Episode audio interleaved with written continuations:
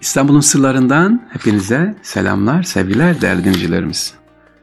Sevgili dinleyiciler, İstanbul'un sırlarında bugün benim baba mesleği kuyumculuk belki tanıyanlar bilenleriniz vardır sizlere. Tuğra'yı anlatmak istiyorum. Şimdi ne alakası var kuyumculukla Tuğra'nın diyeceksiniz. Efendim bir zamanlar 79-80'li yıllar hatta 90'a kadar modaydı. 85'te çok modaydı tuğralar. Hanımlar gelir dükkandan tuğra alırlardı. Küçük, büyük. İşte düğünlerde hediyelik olarak tuğra satardık biz. Büyük tuğralar, 20 gramlık hatta 50 gramlık tuğralar vardı. Hanımefendiler takarlardı. Peki tuğra ne demek? Niye alınıyor, niye takılıyor Tuğra'mız? Efendim aslında Tuğra Oğuzca'dan gelmekte Türkçe bir kelime.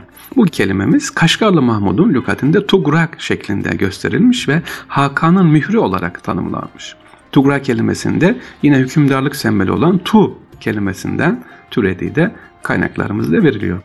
Efendim aslında Tugra efsane bir kuş olan Tugri kelimesinin Tugra kelimesine benzemesinin kökeni e, ve armasal bir tafsir yani kuş şekliyle benzeşmiş. Neden Tugri diyoruz? Tugri bugün bazıları simurg dedi. Yani simurg kuşu ne yapar? 500 yıl yaşar. Sonra kendisini ateşe atar kül olur. Sonra yeniden kuş olarak tekrar bir 500 yıl daha yaşar. Hani Osmanlı'da ebed müddet diyoruz ya. Biz işte bu ebed müddet Tuğralardan geliyor. Unutulmasın manasına geliyor.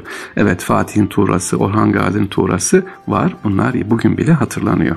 Sadece padişahlar mı tuğra yaparlardı? Hayır padişahlardan başka şehzadelerinden kendilerine ait tuğraları bulunuyordu. Şehzadeler bir tür hükümdarlık hazırlığı ve eğitim için sancak veya eyaletlere gittikleri zaman kendileri de ne yaparlar? Tuğra yaparlar, kullanırlar efendim.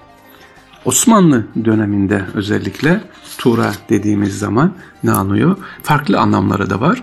Orta Asya'dan gelen bir gelenek demiştim ben bunu. Ee, bizim gücü simgeliyor efendim.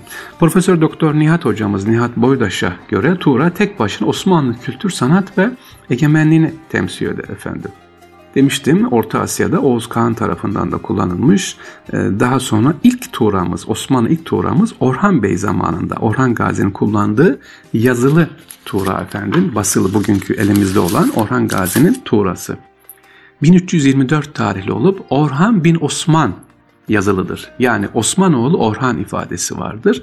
Tuğra sikke üzerine ilk kez Sultan 1. Murat zamanında kullanılmış. Osmanlı Devleti'ni zaman zaman sınırları büyüyor tabi. Padişahların artan hakimiyet alanları da arttıkça 1. Mehmet yani Çelebi Mehmet Han sıfatı eklenmeye başlamış. Tuğra'da bu sefer Muzaffer Daima duası yer almış. Sonra Yavuz Sultan Selim Mısır fethetmesi ve halifelik ünvanını Osmanlı'ya getirmesi üzerine Tuğrasında ilk defa Şah ünvanı kullanılıyor. Onun Tuğrasında da Selim Şah bin Beyazıt Han El Muzaffer daima şeklinde alırken Şah unvanı Kanuni Sultan Süleyman döneminde baba ismini de ekleniyor. Yani kanunun Tuğrası şöyle Süleyman Şah bin Selim Şah el Muzaffer daima şeklinde alıyor efendim.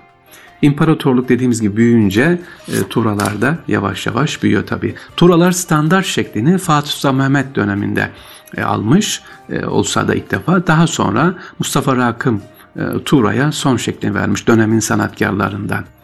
Ünlü Hattat'ın 3. Selim, 4. Mustafa ve 2. Mahmut için yaptığı turalarda kendisinden sonra değişmeyecek olan biçim yani bugüne kadar gelen tuğlayı, tuğrayı yapan Mustafa Rakım sanatkarımız. Sevgili dinleyiciler İstanbul'un sırlarında Tuğraları anlatıyoruz. Tuğra ne demektir diye. 17. yüzyıl sonu 2. Süleyman zamanında özellikle 3. Ahmet devrinde Turaların sağ ve sol tarafları çiçek buketleriyle süslenmeye başlamış. Sonra bunlara gazi, adli gibi ünvanlar eklenmeye başlanmış. Her sultanın Tuğrası dediğim gibi farklı farklı ama Tuğra'nın kalıbı yaptığımız zaman çiçek şeklinde ya da bir mesaj veriyor. Ya taht ya bir sembol ya da baktığınız zaman aklınıza mutlaka hmm diye yazılanın dışında da bir mesaj yüklemesi gerekir Tuğra ki bakan kişi bunu ne yapıyor anlıyor. Her padişah dediğim gibi Turaları da farklı farklı. Turalarda neler var dediğim gibi El Müzaffer var, Daima var. E şöyle kısa fazla sizi sıkmayayım. Üç kısım var.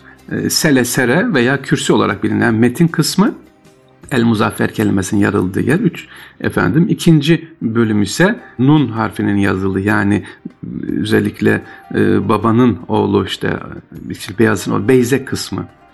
E, üçüncü bölüm ise e, Elif ya da Tu olarak alınan bölüm ise üçüncü bölümde buna da Elif bölümü diyoruz efendim daima bölümlerin yazıldığı yer.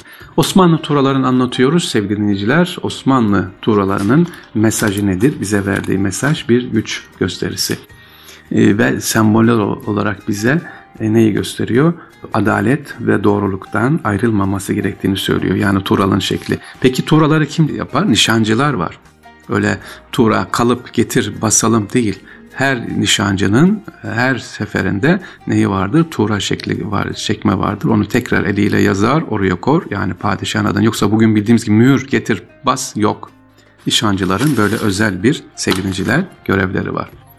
Hat ve tesip sanatı e, bakımından çok büyük değer taşıyan bugün günümüzde 2021 yılın en önemli Tuğra ise 3. Ahmet'e aittir efendim. 3. Ahmet'in kendi çektiği turolar Topkapı Sarayı'nda yer alıyor. Özellikle fermanların, beratların üzerine tura çekmek görevi dediğim gibi nişancılara aitti.